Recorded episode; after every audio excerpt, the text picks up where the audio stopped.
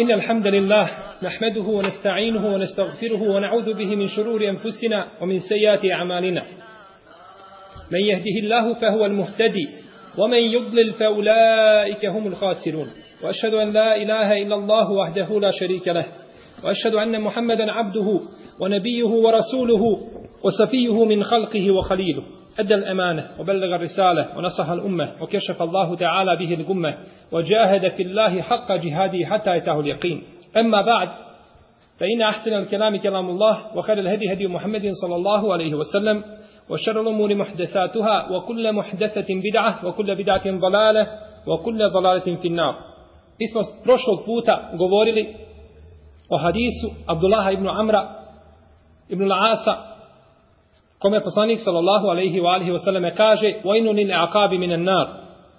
Ko će nam spomenuti jedan hadis koji govori o odlikama ovoga časnog ashaba?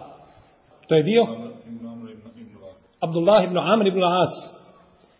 Zašto? To je on zapisio, a Ebu Hrvira kaže da sam pamtio. Ebu Hrvira kaže da je pamtio. Dobro. Znači ima i druži, duži hadis koga smo spominjali, koga bilježi imam Bukhari u svome sahihu. U svakom slučaju zbog vremena ja ću ukratko ponoviti ono što se je prošli put radilo na predavanju. Kazali smo da je poslanik sallallahu alejhi ve sellem rekao vojnu ne akabi min nar, teško se e akabima, kazali smo da su to ove žile koje su iza uh, pete ili iza pete sa strašnjeg dijela potkoljenice, da je rekao teško se akabima od vatre, kazali smo da je vojl, da je to prijetnja, Neki učenjaci kažu da je vojl dolina u džehennemu, znači da dolina u džehennemu pripada onome ko ne bude dobro pravo svoje noge. Kazali smo da u drugom hadisu stoji vojnu ni akabi u obutuni lakdami mine nar. Teško se akabima i teško se, znači, tabanima od vatre, kada se dobro, znači, ne peru.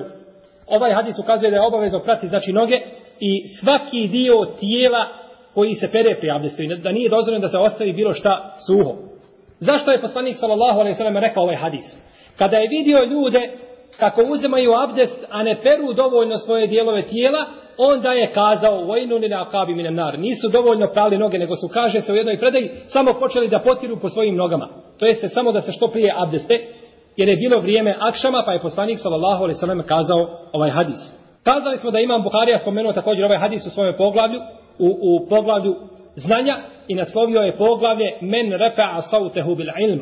Onaj ko diže svoje svoj glas zbog znanja. Zato što je poslanik sallallahu alaihi wa sallame gromkim glasom, povišenim glasom povikao vojnu nina akabi minna.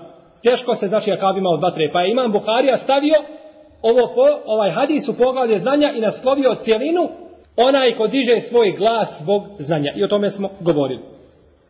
Kazali smo da ome hadisu imaju dvije koristi od brojnih, mi smo dvije spomenuli, a to je da je obaveza čovjeku da pouči onoga koji ne zna, kao što je poslanik sallallahu alejhi ve selleme poučio ashabe i druga stvar da je obaveza čovjeku da pozove na dobro a odvrati od zla kao što je učinio poslanik sallallahu alejhi ve selleme u ome hadisu također iz njega islamski učinjaci zaključuju da će čovjek biti kažnjavan kako u kaburu tako na sudnjem danu i tijelom i dušom I to je mišljenje svih islamskih učenjaka kako spominje šehol islam ibnul Kajim u svome dijelu Ruh prenosi i kaže rekao je šehol islam ibnul Tejmije da tu nema razilaženja među učenjacima ehlu sunnetovu džemata. Znači čovjek biti kažavan u kaburu i u džehennemu i dušom i tijelom.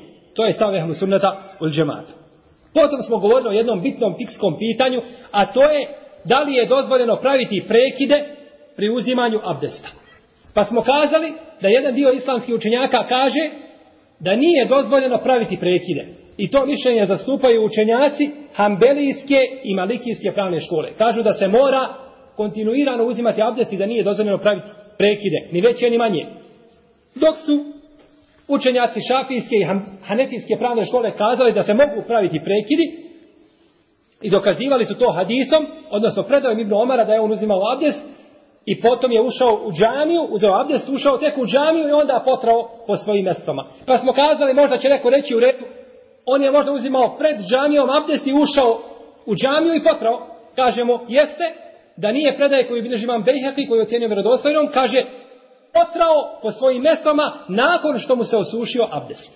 Pa opreda jasno ukazuje da je Ibn Omer napravio, znači, prekid između abdesta, to jeste između potiranja po mesama i abdesta koga je prije toga uzeo. I onda smo na kraju govorili o jednom bitnom pitanju, a to je da li se nepotpuno uzimanje abdesta ili djelomično smatra velikim grijehom ili ne. Pa smo kazali da jedan dio uleme kažu, kažu da je to mali grijeh, no međutim, jedan dio pravnika kaže da je to veliki grijeh i Allah, dragi rebre, zna da je to ispravno mišljenje, zato što je Allah te barak je otala ili poslanik sa osvrame što prijete vatrom onome ko ne bude znači upotpunjavao svoj abdest kako je to naređeno. Danas je sa nama naredni hadis šesti po ovome brojanju koga prenosi Ebu Hureyre radijallahu ta'ala anhu u kome poslanik sallallahu alaihi wa alihi wasallam kaže Ida te vodaje ahadukum fel jeđal fi enfihil ma thumme lijentetir li ومن استجمر فليوتر وإذا استيقظ أحدكم من نومه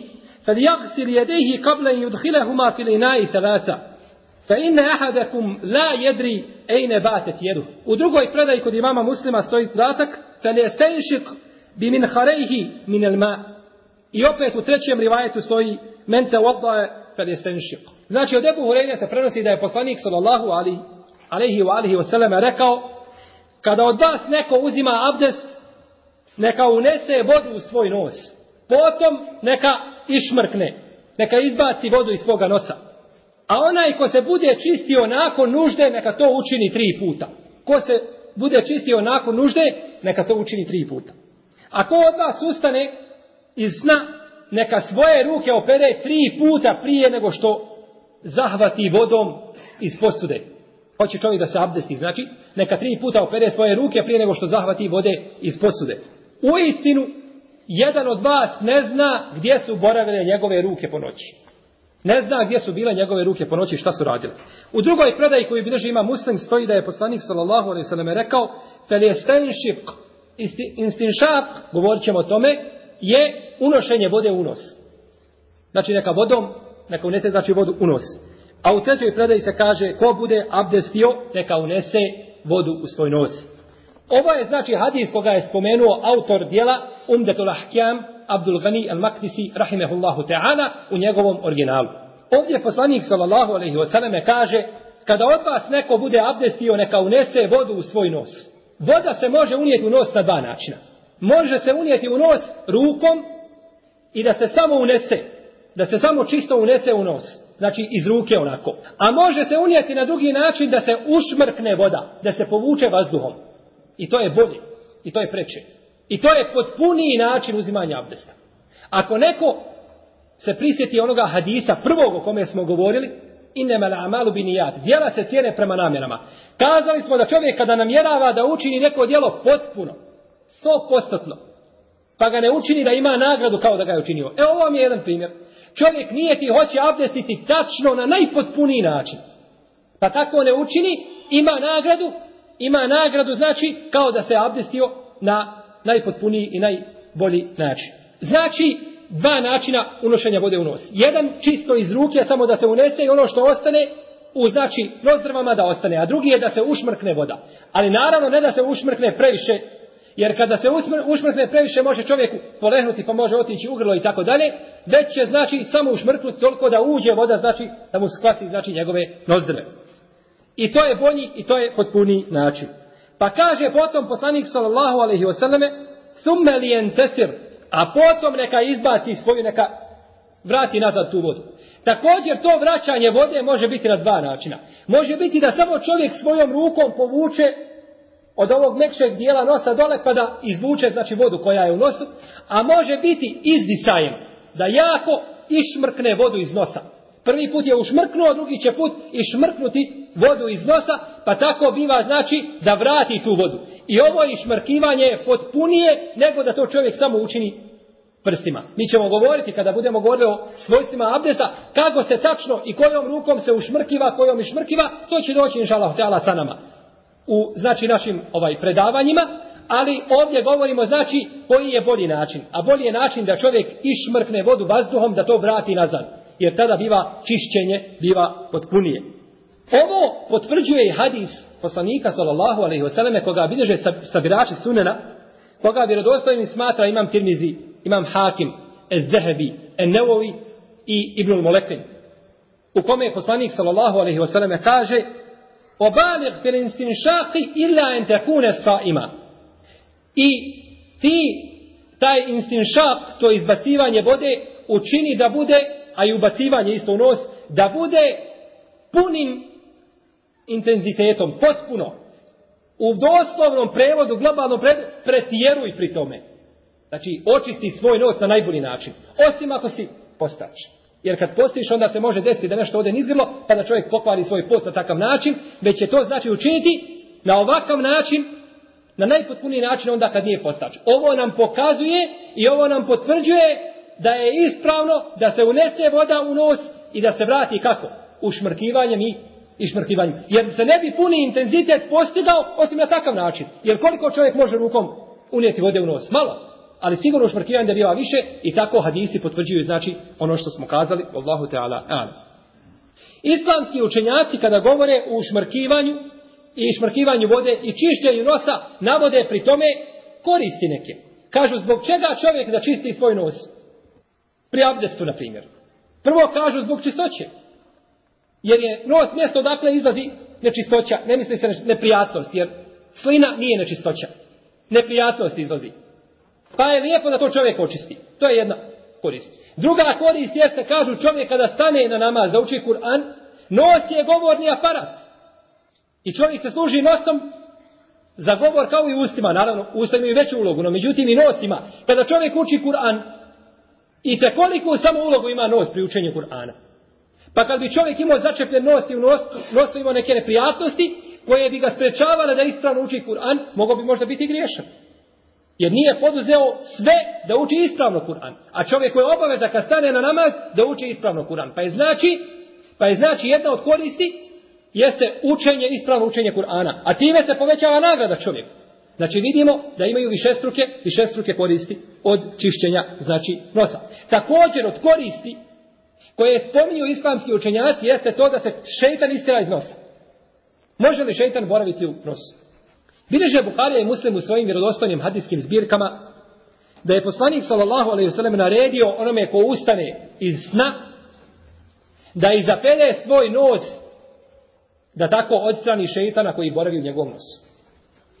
Znači, šeitan, dok čovjek špa, spava, šeitan mu boravi u njegovom nosu. Pa je poslanik, sallallahu alaihi sallam, naredio da čovjek to, znači tim išmrkivanjem i pranjem nosa, da otjera šeitana. Kao što poslanik, sallallahu alaihi sallam, kaže da šeitan kola čovjekovim tijelom kao što kola krv.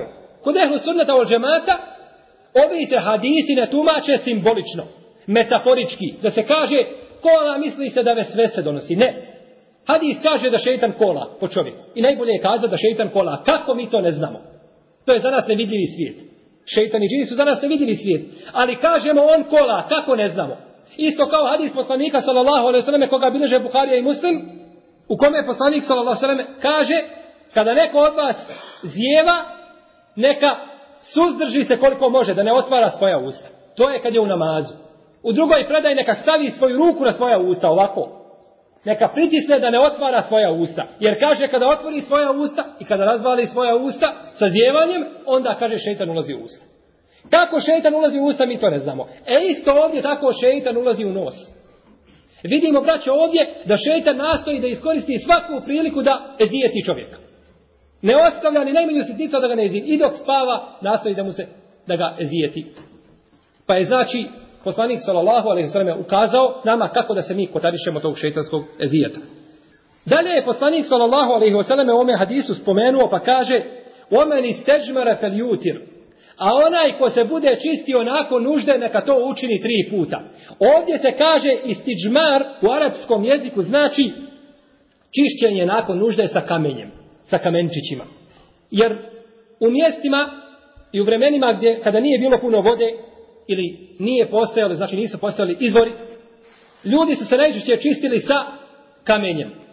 Nisu, znači, imali dovoljno vode, pa su to činili kamenčićima. Pa je poslanik, sallallahu alaihi wasallam, rekao, kada se od vas neko čisti nakon nužde, bilo velike ili male, neka to učini tri puta.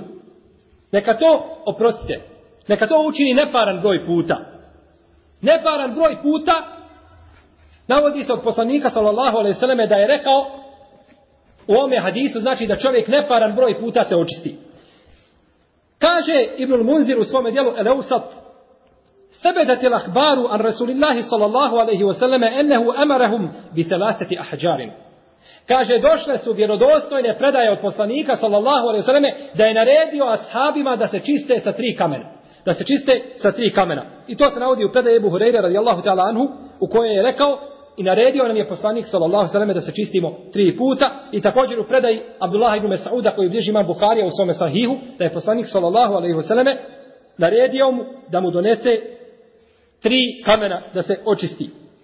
Također predaja koju bliži imame dare kutni u svome sunanu i koju smatra vjerodostojnom kaže od Aisha radijallahu ta'ala da je poslanik sallallahu alaihi sallam rekao kada od vas neko ode da obavi prirodnu fiziološku potrebu, neka uzme sa sobom tri kamenčića, ona su mu dovoljno. Neka uzme sa sobom tri kamenčića, ona su mu dovoljno. Što znači da dva, šta?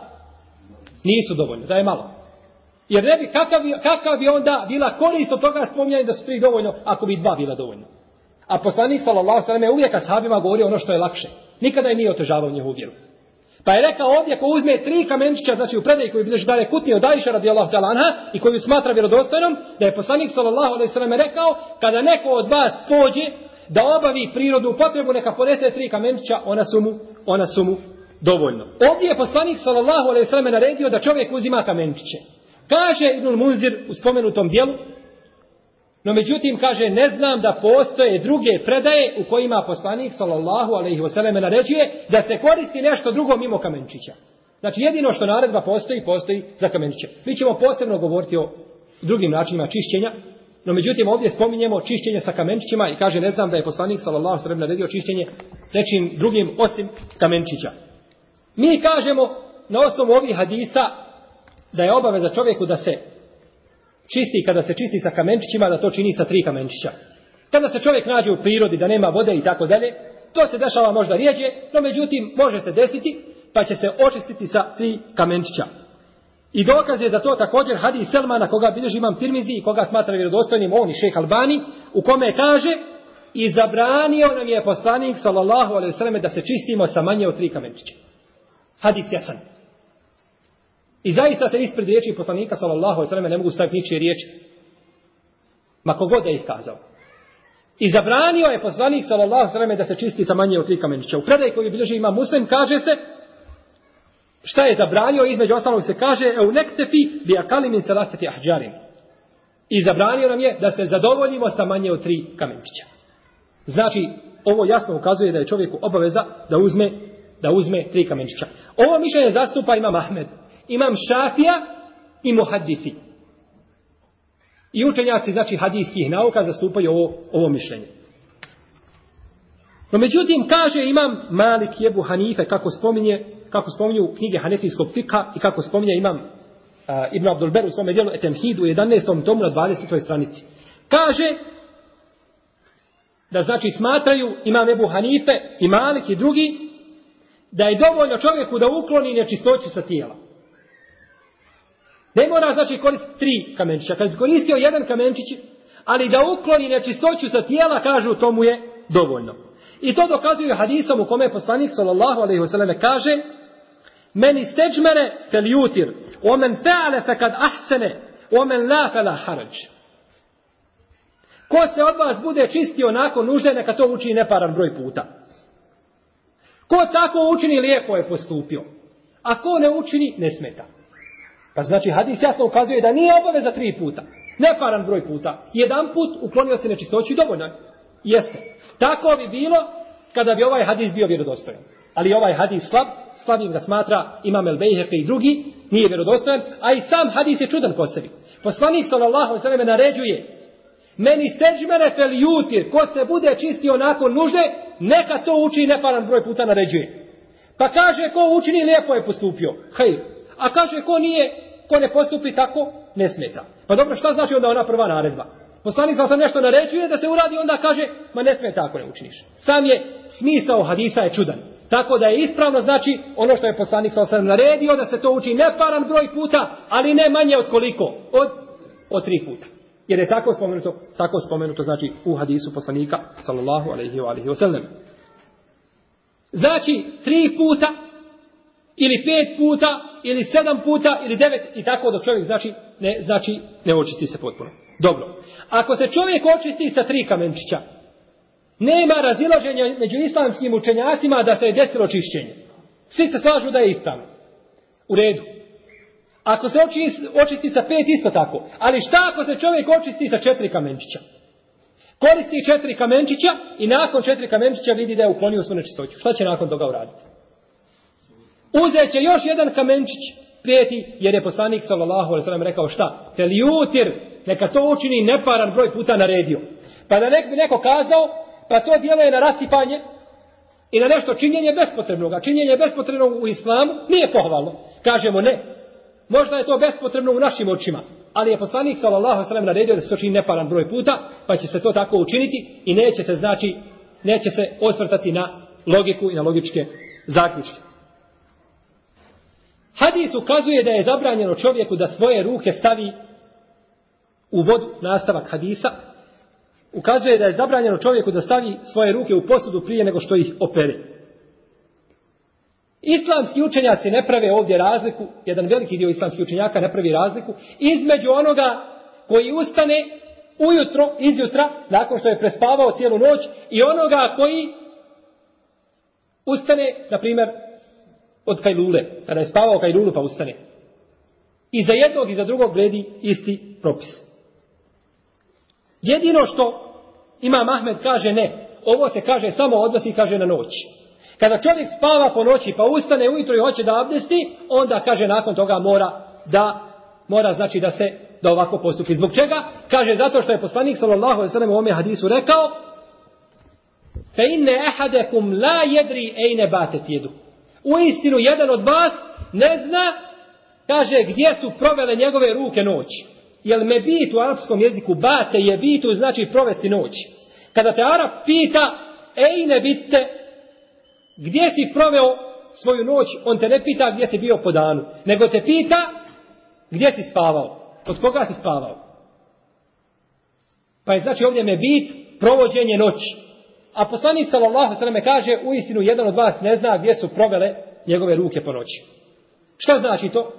Znači kada čovjek ustane izutra treba samo da kuda postupi. No međutim većina islamskih učenjaka kažu da je poslanik sallallahu alejhi ve selleme to rekao zbog općenitosti. Jer čovjek najviše provodi spavanje u noći. Pa se obično tako dešava. Ponekad čovjek ne spava po danu nikako duži vremenski period. Ali po noći, znači, uglavnom se, uglavnom se spava. Isto tako ima Mahmed koristi dokaz hadis u kome je Hadis Ebu Davuda, kome je poslanik sallallahu sallam kaže I da kame ahadukum mine lejl Kada neko od vas ustane iz noći Postoje noći kada ustane, neka tako postupi. Kaže, ovaj jasan dokaz da je to po noći. No, međutim, islamski učenjaci opet kažu, to se odnosi na ono što se obično dešava. Na ono što se obično dešava. Jer nekada u šerijatskim argumentima se brani jedna stvar ženama. Ali se odnosi to isto i na muškarce. Kao, na primjer, čupanje obrva zabranjeno ženama? Znači li da u hadisima se kaže da je zabranjeno ženama? Znači li da je dozvoljeno muškarcima? Nije ni muškarcima. Ali to se govori i spominju se žene zato što to žene uglavnom čine, ne čine muškarci. Pa je to njima kazano, ali se time misli svakako i na muškarci. Kažu neki islamski učenjaci, no međutim treba ipak napraviti razliku. Da je gore i grđe i pogrdnije da čovjek nakon spavanja po noći stavi svoje ruke u posudu nego po danu. Zato što čovjek kada spava po dan, njegov san je lakši. Nije onako dubok san. Kraći je san, saha dva vremena i slično tome, dok po noći čovjek spava 6, 7, 8, pa neko i po 10, 12 sati, kako ko. Pa ruke mogu otići svugdje, mogu se znači onečistiti, pa bi onda sigurno u tome slučaju bilo znači bilo znači pogrdnije da čovjek nakon noći stavlja znači svoje ruke u posudu prije nego što ih opere. Spominje imame Neovi u svome dijelu Bustanu Larifin jednu priču vezanu za ovaj hadis. Kada Ebu Hureyde radijallahu ta'ala anhu prenio ovaj hadis u poslanika sallallahu alaihi wa alihi wasallame i rekao je neko od vas pe inne ehadekum la jedri ejne batet jedu kaže jedan od vas ne zna gdje je njegova ruka provela po noći. Kazao je jedan novotar kaže gdje je provela? Provela kaže na mojim ramenima. Privezana za ramena i kaže tu je na ramenima. Kuda će kaže ići od mene? I smijava se sa hadisom. Poslanik sallallahu alejhi ve rekao hadis koji je jasan kod dan. A on se ismijava, kaže, pa kod mene provela, gdje će biti? Pa je zaspao na veće, pa je, pa je zaspao na veće, pa je, kaže, ustao izjutra i njegova ruka, kaže, srasla za njegovu stražnicu. Pa mu je Allah te barek je pokazao na, nje, na njemu praktično kako to izgleda i gdje ruka može završiti. Nije htio povjerati u hadis i kaže srasla mu je ostala, tako srasla za stranicu nije više mogao odvojiti. Znači imam nevoj spominje ovu priču. To smo samo usput spomenuli zbog ovoga hadisa, jer je svakako priča poučna, ukazuje na pogrdnost onih koji ne prihvataju riječi poslanika sallallahu alaihi wa alaihi wa Znači ispravno je ono što smatra jedan dio islamskih učenjaka, da čovjek mora i da mu je vađib da opere ruke prije nego što ih unese u posudu. Znači prije nego što ih unese u posudu. Jedan dio islamskih učenjaka, odnosno većina pravnika, između ostali Malik i Šafija, i većina kažu da to nije obaveza. I kažu da je ovdje naredba za sunijet, za nešto dobrovoljno, misli se na sunnet, a ne na obavezu da je važiv, da je u smislu da je griješan onaj ko to ostavi. I to dokazuju hadisom u kome je poslanik sallallahu alejhi ve sellem rekao jednom pustinjaku: "Abdesti se kako ti je naredio Allah." Kažu Allah je naredio, zna se u Kuranu kako je Allah Žešan naredio abdest, a nije naredio da se ruke peru prije nego što se stave u posudu. No međutim ovdje mi kažemo, braćo, pranje ruku nije samo zbog samog abdesta. Pranje ruku prije abdesta je sunet i o tome ćemo posebno govoriti. Ovdje je pranje ruku zbog jedne druge stvari. A to je zbog eventualne nečistoće koja može biti na rukama. Pa je ovdje, znači, pranje ruku dobilo jednu drugu boju, jedan drugi oblik. A to je da se ukloni ona nečistoća koja bi mogla biti na rukama. Na primjer, kada bi čovjek ustao iza sna i trebao da opere ruke. I trebao da opere ruke nakon sna. U stvari, htio hoće da jede nakon što je ustao. Da li treba oprati ruke? Hoće rukama da jede, mora oprati ruke prije toga.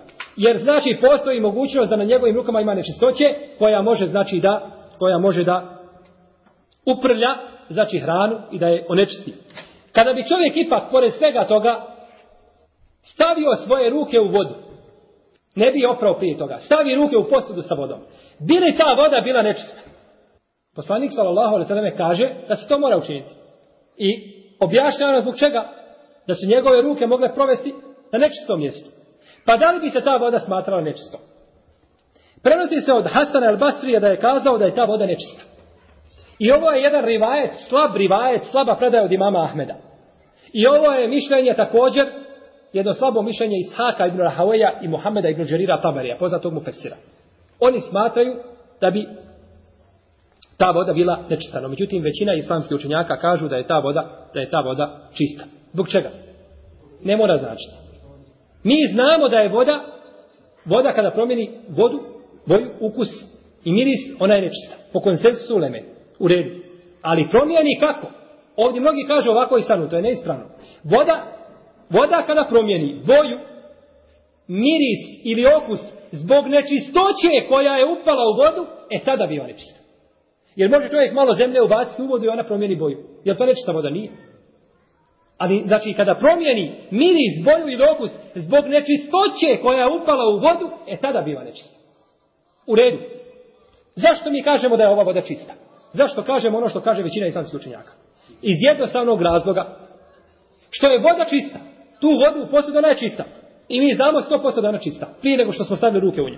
Ali ne znamo 100% da li na rukama ima šta. Znači što će. Već šta? Sumnjamo. A može li ta sumnja pobiti jekin i ubjeđenje? Ne može. E, kada bi čovjek znao 100% vidi na svojoj ruci tragove nečistoće i pored toga stavi udu, e, kažemo sad je nečistoće. Jer smo sad ubijeđeni da ima nečistoće na rukama. U protivnom nema, pa ne možemo, jer to bi bilo vesese. Onda bi čovjek za svaku sitnicu sumnjao, može, ne može, treba, ne treba, pa bi samo sebi otežavao svoju vjeru, što je poslanik, salallahu, alaihi wa alihi wa sallame, zabranio. Dobro. Ovdje se postavlja jedno bitno pitanje. Da li je čišćenje nakon nužde obavezno? Da li je vađeno? Tu se islamski učenjaci spore. Ispravno je mišljenje, Allah najbolje zna da je to vađiv, da se mora, da je parisno. Šta je dokaz tome? Ne može biti namaz ispravno nije čisto. U redu, bez namaza. Čovjek se ne čisti za namaz. Čisti se za nešto drugo. Dokad je hadis poslanika, sallallahu sallam, onoga kada je prošao pored onoga kabra i kaže ovo dvoje se kažnjavaju. Kažnjavaju se kaže ne zbog nečega velikog. To je u vašim očima malo. Kaže jedan od njih je prenosio riječi, a drugi je nije se čistio od pokreće. Pa je to razlog da čovjek biva kažnjavan gdje? U kaburu. A hoće li Allah Žešanu kažnjavati čovjeka za sunnet, što nije učinio sunnet? Nešto, mustahab? Ne, neće. Već je ga kažnjava kada ostavi vađib. Kada ostavi, kada ostavi vađib. Kada bismo braćo kazali da je čišćenje nakon nužde, ostavljanje čišćenja nakon nužde veliki grijeh od kebaira, ne bi bilo daleko od istine. Zašto? Jer je veliki grijeh sve ono što se prijeti čovjeku ako ostavi ili ako počini zabranjeno, prijetimo se čime? Vatrom džahelimskom ili prokletstvom, ili azabskim kaburom i sl. tom. Ili kaznom na dunjalku i na ahiretu. To se smatra velikim grijom. Tako znači da bi svakom slučaju nedovoljno čišćenje moglo se smatrati velikim grijehom, a Allah najbolje zna. Dobro. Kada se čovjek očisti sa tri kamenčića, no međutim nakon toga na njegovom tijelu ostanu tragovi. Ostani tragovi nečistoće. Šta je sa tim tragovima? Pa ti tragovi pređu malo na odjeću. Smatra li se to nečistim? Većina islamskih učenjaka, osim šafija, znači učenjaci malikijske, hambelijske i prije toga hanefijske pravne škole, kažu da to nije nečistoće. I da to šerijat oprašta. I da to šerijat oprašta. Neki učenjaci kažu dobro. Ako vi kažete da ostane malo nečistoće na čovjekovom tijelu, da to šerijat oprašta, Šta biva onda čovjekom koji legne spavati u vrućem danu, kada su velike temperature, naročito u podnjedima gdje su velike žege. Pa se čovjek oznoji, pa kaže niz njega curi znoj, a najviše se oznoje mjesta čovjeka koja su nečista. Oko stidnih mjesta, to se čovjek najviše oznoji. Pa kaže ta nečistoća, onda curi znoj i uzima tu nečistoću i raznosi je po čovjekoj odjeći po tijelu. Kažemo, to je čisto. To je čisto i to se ne smatra nečistoćom, jer je obaveza čovjeku da ukloni onaj osnovni dio nečistoće. A tragovi koji ostanu, to šerijet oprašta. To šerijet oprašta i šerijet znači ne gleda znači na to, ne gleda znači na te tragove. I nema mjesta kada dođe šerijetski dokaz, oni kažu, to dokazuju, kažu, kako će se čistiti kamenčićima? Ne može kamenčić uvijek ukloniti sve kao voda. Kažemo, tačno, Možda ne može ukloniti se kao voda. Ali je poslanik sa osanem dozvolio i naredio da se čisti kamenčićima. I kada dođe, bila nužda ili ne bila nužda, čovjeku dozvoli da su u jednom drugom slučaju da se očisti kamenčićima. Iako je voda bolja. Voda je bolja, ali kada bi se očistio kamenčićima, desilo bi se čišćenje. Ne bi bio tada čovjek, ne bi bio, znači, griješan. I ovdje šehol sami minuta im je kaže, oni koriste razum. Kažu, kada ostane, kada ostane malo nečistoće, trag, nije se baš 100% uklonio, Čekao je tamo Ibn Taymiya to odgovara pa kaže razum i dokazi šarijatski su kaže kao sudac kadija i svjedok. Imate kadiju u sudnici, sudca, sudiju, i imate svjedoka. Kaže, kadija može otjerati svjedoka i sudnice kad hoće. Razumijete? Dokazi šarijetski argumenti, hadisi, Kur'an i hadisi, konsensus je kao sudac, kadija. A razum je kao, do, kao ko, svjedok pa sve dok uđe, pa se sudi i ne sviđa kada je sudija zatvori vrata sa spolješne strane. Istina ga napolje. E tako šarijet radi sa razumom. Razum se mora pokoriti dokazima i šarijetu, a ne smije se razum stavljati ispred šarijeta. Iako je Allah svakako te barak je od tada dao čovjeku razum, da razumije šta? Dokaze. Jer se ne mogu razumjeti bez do, dokaz, bez razuma. I razum ima mjesto u šarijetu. Ali ima mjesto onako kako je Allah Žešan to htio, a ne da čovjek stavi svoj razum ispred dokaza. Pa da kaže, je li to logično? Pa dobro, hadis kod Buharije kaže, ali jedno logično. Treba ovako, kaže, a šta smeta da se učini ovako? Ne vidim ništa loše da se čini ovako i tako dalje. To su sve filozofske, znači, ovaj, pretpostavke koje nemaju nikakve težine na vagi kitaba i sunneta. Dobro. Kako to islamski učenjaci, većina islamskih učenjaka, kako dokazuju da je dozvoljeno čovjeku da se čisti kamenčićima? Pored dokaza u kome se navodi da je poslanik sallallahu alejhi ve sellem rekao da to ne čini manje od tri kamenčića i da kamenčići mogu očistiti, dokazuje to također predajom koju bilježi dalje kutni i smatra je vjerodostojnom, koje je poslanik sallallahu alejhi ve selleme kaže i nemojte se čistiti sa balegom i kostima. I nemojte se čistiti sa balegom i kostima, kaže to je hrana vaše braće džina i to dvoje ne mogu očistiti čovjeka. Ovo je dokaz Šta? Većini islamskih učenjaka. Ako kost i balega ne mogu očistiti čovjeka, onda druge stvari šta? Mogu očistiti. Druge stvari čiste. Pa to je između ostali također dokaz da kamenčići mogu očistiti. Pored toga što je sunet poslanika, sallallahu sallam, prepuno ovih hadisa i ovih predaja koje smo mi spominjali, da je legitimno znači da se čovjek očisti kamenčićima, bilo da se radi o ruždi, ili mimo toga, iako kažemo da je čišćenje sa vodom bolje i preče. Isto tako nije se dobro čistiti sa predmetom, materijom koja je glatka. Kao, na primjer, staklo. Čovjek, na primjer, ima tri one male boce od soka, male one bočice, i hoće se nakon nužde očistiti sa njima. Ne može se očistiti. Može se samo još više onečistiti sa staklom. Znači, ne može ukloniti nečistoći sa staklom. Pa nije ispravno da to čini, znači, sa staklom. Također, nije čovjeku ispravno da se čisti sa papirom na kome se nalaze neki naučni tekstovi. Iz poštovanja prema znanju. A naročito se nije dozvoljeno čistiti sa papirom na kome pišu arapska slova. Bez obzira šta pisao.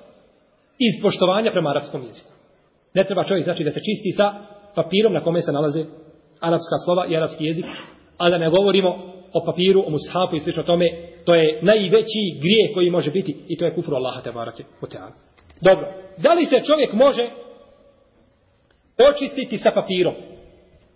Papir kojim se danas ljudi čiste, ponajviše nevjernici, da li taj papir može očistiti čovjeka nakon nužde?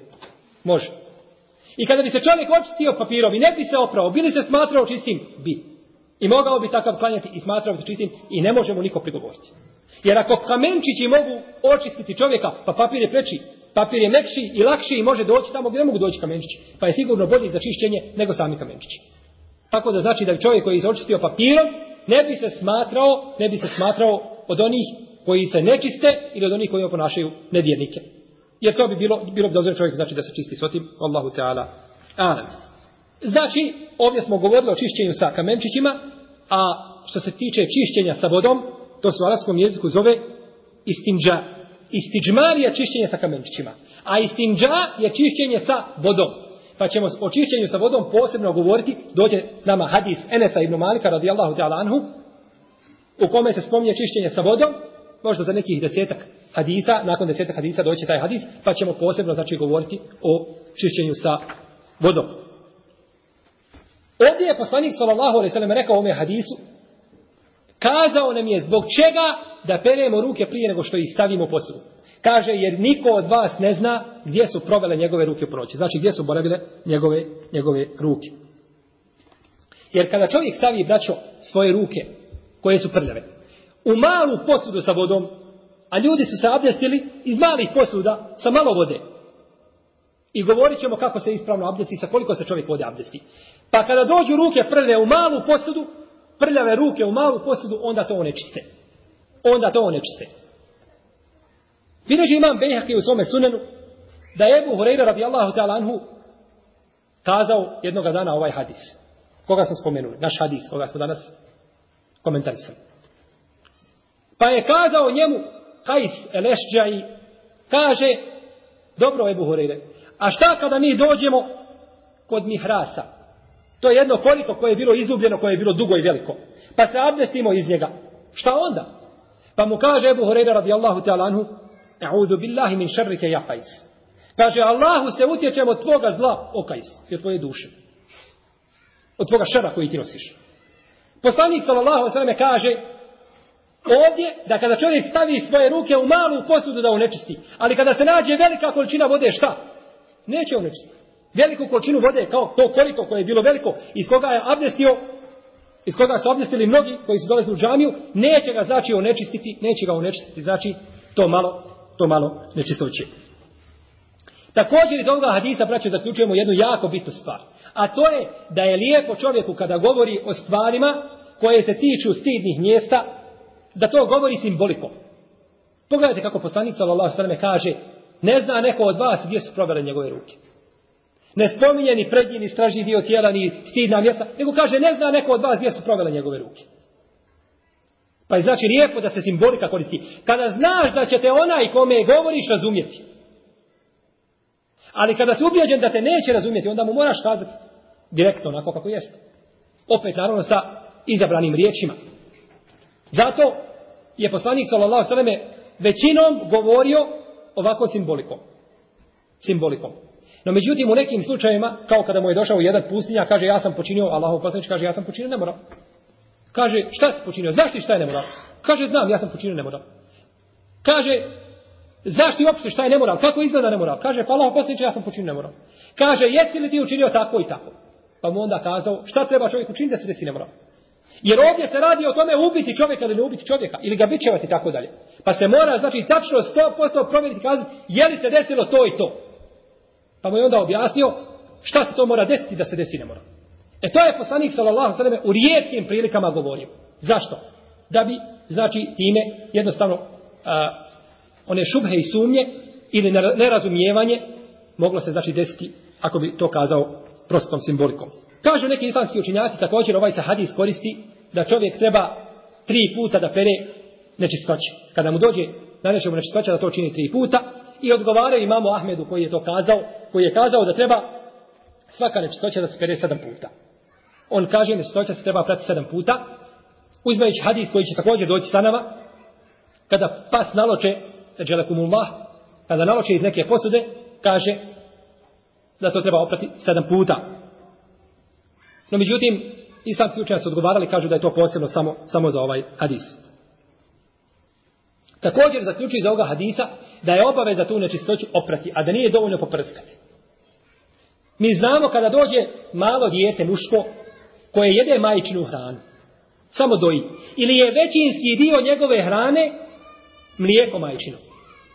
Onda je dovoljno kada se pomokri na odjeću, dovoljno je to poprskati. Ne mora se prati. Samo se poprši i to je dovoljno.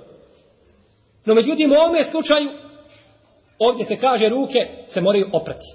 Pa uzimaju znači dokaz da, da se nečistoća mora prati, a ne smije se znači prskati jer nije dovoljno znači da se samo poprši. Ovdje je poslanik sallallahu alejhi ve selleme naredio i šmrkivanje, ušmrkivanje i šmrkivanje vode iz nosa.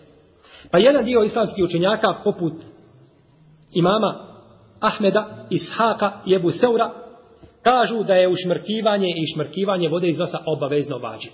Da se mora. Da se to znači mora učiniti. Dok kaže Malik, Šafija, Hanefijski pravnici i većina u Leme kažu da to nije obavezno. Da je to, da je to sunnet. Što se tiče mišljenja islamskih učenjaka po pitanju ispiranja usta i nosa, tu imaju četiri stava. Prvi dio su učenjaci koji kažu da je to sunnet. Da je sunnet i kod gusula i kod abdesta da je sunnet i zaprati usta i nosa. Drugi su učenjaci koji kažu da je važib i kod jednog i kod drugog. Treći su koji kažu da je važib kod ispiranje nosa da je važib, a nije ispiranje usta. I četvrto je mišljenje onih koji kažu da je vađib kod gusula, a nije kod abdesta. Da je ispiranje usta i nosa vađib kod gusula, a nije kod abdesta. Znači četiri mišljenja. Prvo, da je sunnet i kod gusula i kod abdesta. Drugo, da je vađib i kod gusula i kod abdesta. Treće, da je vađib ispiranje nosa, a nije usta i kod gusula i kod abdesta. I četvrto je da je vađib kod gusula ispiranje usta i nosa, a nije vađib kod abdesta. To se znači četiri mišljenja islamskih učenjaka po ovome pitanje. Ovo zadnje mišljenje da je važiv ili predsjednje koje sam spomenuo da je važiv ispiranje nosa, a nije usta, to je odabro ima Mahmed. To odabro ima Mahmed, spomenuo smo i Ebu Seu i drugi.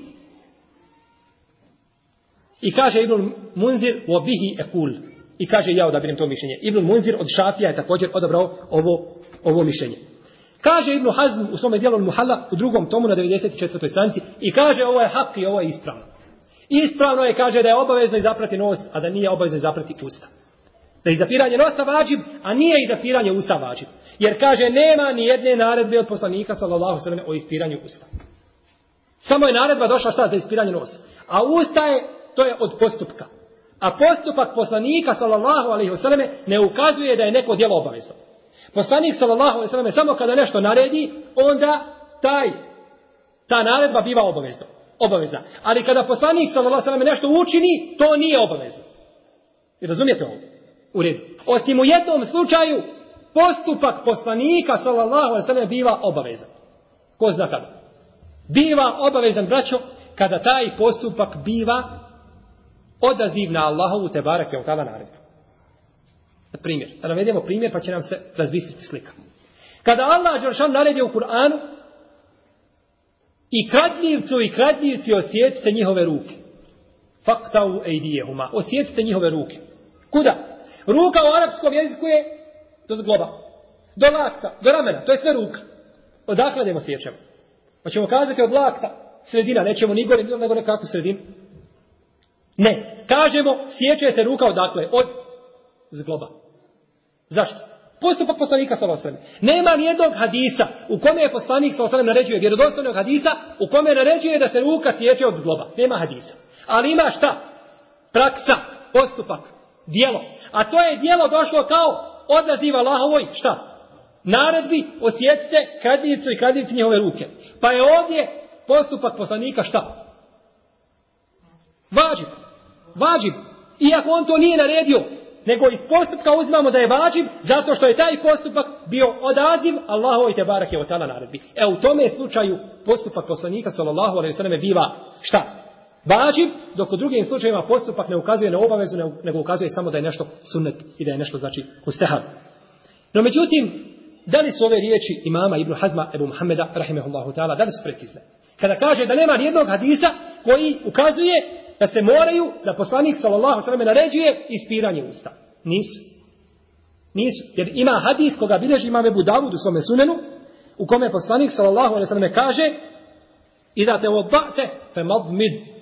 A ti kada budeš uzimao abdest, fe mid i zaperi svoja usta, naređuje i zaperi svoja usta.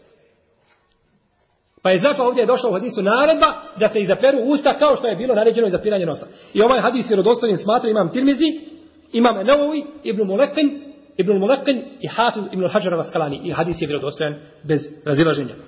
Tako da znači postoji također predaja koja ukazuje da je obavezno šta čovjeku da izapere svoja usta.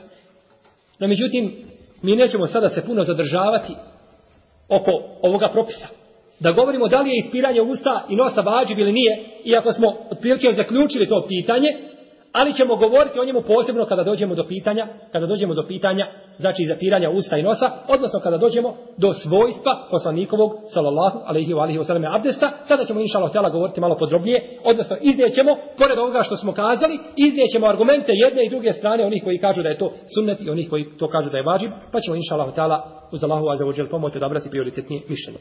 Ovdje nam samo još na kraju ostane, ostaje nam još na kraju, da kažemo jedno pitanje koje je usko vezano za ova mišljenja koje, koja imaju islamski učenjaci po pitanju izapiranja usta i nosa. Šta je sa onim koji ne izapere svoja usta i nos? Abdesti čovjek ne izapere svoje usta i nos. Ovo je vezano za ovo prethodno mišljenje o kome smo govorili, kada imaju mezhebi različni. Pa je prvi stav jeste da se mora ponoviti. Da ne vrijedi, mora se znači ponoviti. U tom slučaju se mora ponoviti abdest.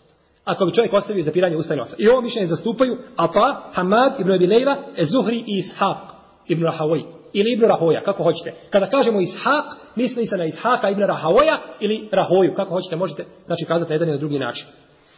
Ovo je prvo mišljenje, znači obaveza je ponoviti. Drugo mišljenje je da ne mora ponoviti ništa. Ispravan je i gusum i abdest i da znači to ne utječe ni na gusl ni na abdest. I ovo mišljenje zastupa Katade, Elejf ibn Sad, Malik imam Šafija.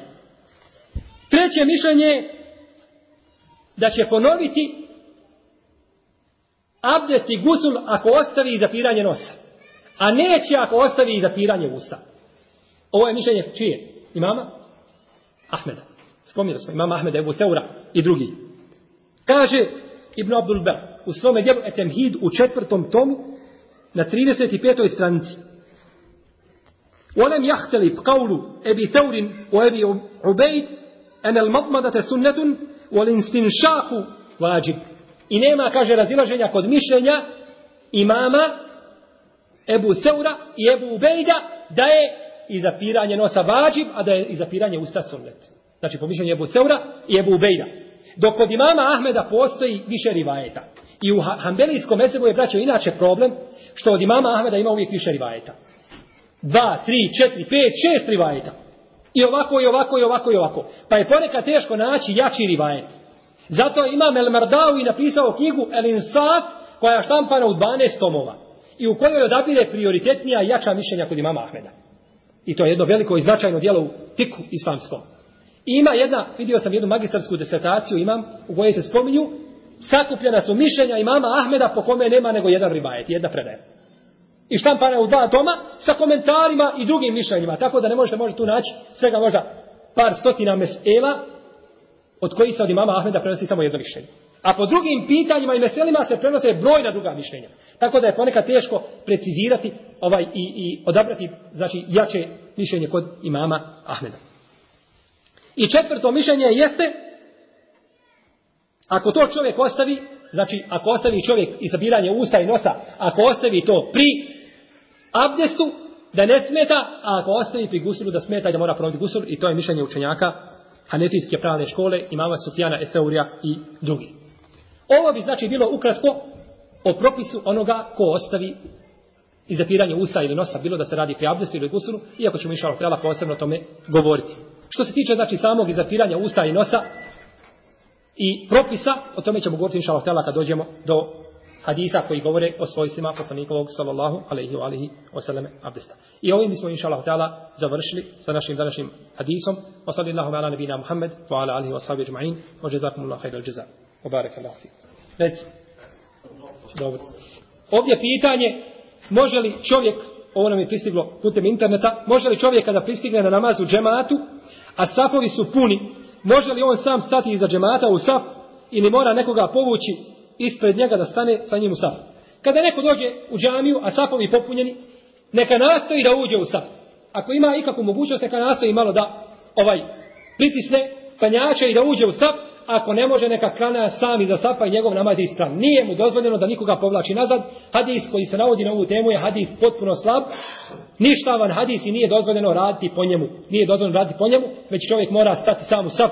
To je prekidanje safa. A poslanik sallallahu alejhi ve sellem je rekao: "Ko prekine saf, prekinuo ga Allah, prekinuo Allah njegovu nagradu. A ko upotpuni saf, upotpunio Allah prema njemu, to jest upotpunio njegovu nagradu." I kaže poslanik sallallahu alejhi ve selleme: "Ili ćete popunjavati safove i izbijati safove, ili će Allah razjediniti vaša srca i vaša lica.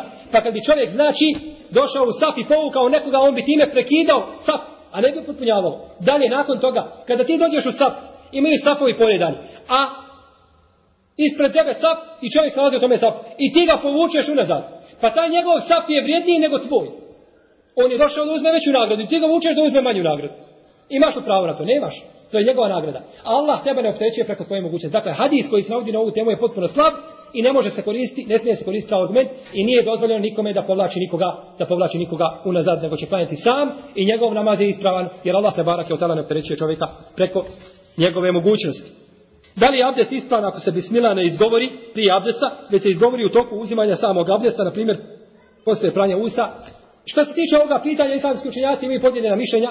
Jedan dio pravnika kažu, i to je većina u Leme koji kažu da je izgovor, izgovor bismile prije abdesta sunnet, da nije važiv, Jedan dio uleme kažu da je važib. Navodi se hadis koji je došao sa 12 različitih puteva da nema abdesta onaj ko, onaj ko ne izgovori bismilu. I ovaj hadis dobrim smatra Ibnul Hajar i brojni drugi islamski učenjaci i ispravno je da je on dobar hadis i da se treba raditi po njemu. I da čovjek treba izgovoriti bismilu prije, znači prije uzimanja abdesta. No međutim čovjek koji zaboravi pa izgovori tokom abdesta, molim Allah inšalatela da ne bude kažen zbog toga, Iako meni se ovdje najviše sviđa mišljenje Ebu Ubejda koji je kazao u svome djelu Tuhur kaže ja ponekad kaže počnem uzimati abdest pa zaboravim izgovor bismile a već sam počeo kaže pa se vratim na početak izgovorim bismilu i nastavim nakon toga ali kaže ja nikoga ne obavezujem na ovo tako ni mi nikoga ne obavezujemo da to učini jer većina uleme kaže da to nije važiv no međutim gledajući ovaj, na ovaj hadis bolje čovjeku da to učini pa ako bi se i vratio ponovo iza usta i nos inšalo tada da bi imao nagradu sljedeći sunet poslanika sallallahu alaihi wa alihi wasallam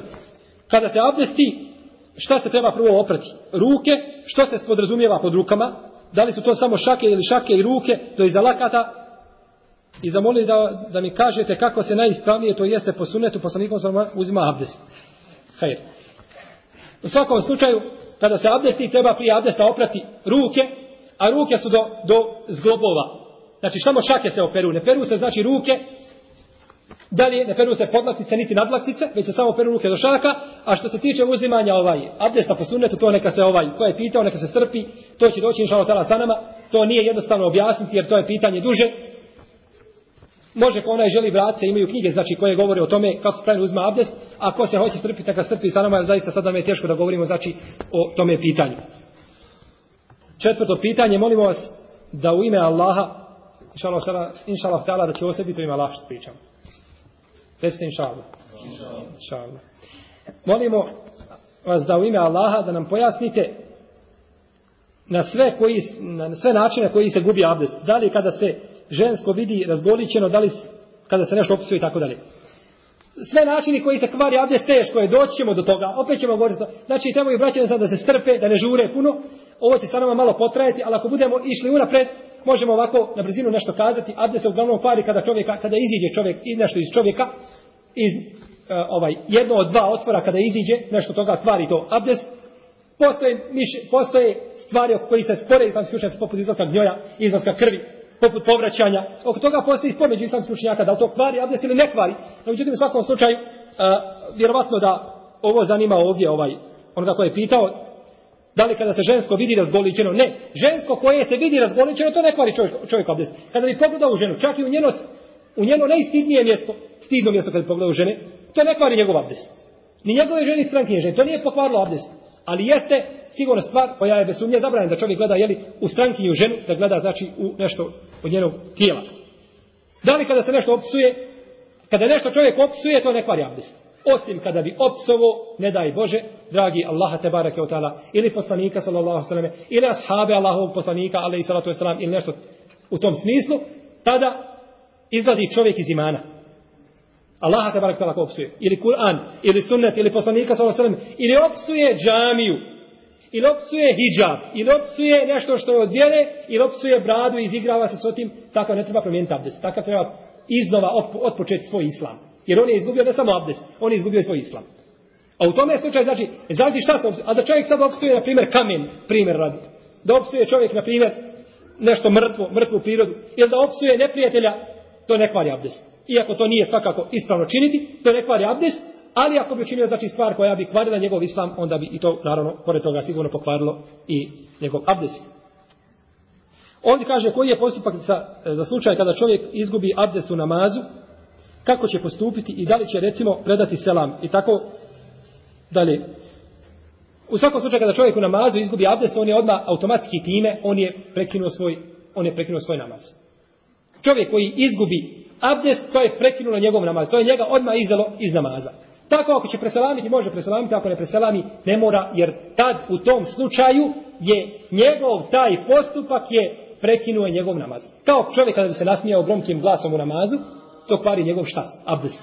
Po konsensusu u Leme, Solema kaže, kada bi se čovjek u namazu nasmijao glasom, glasno, to bi pokvarilo njegov šta? Namaz. Neka Olema kaže i abdest. A ne tiska Olema kaže da se mora i abdest ponoviti. Međutim, mišljamo sada doćemo do tih pitanja.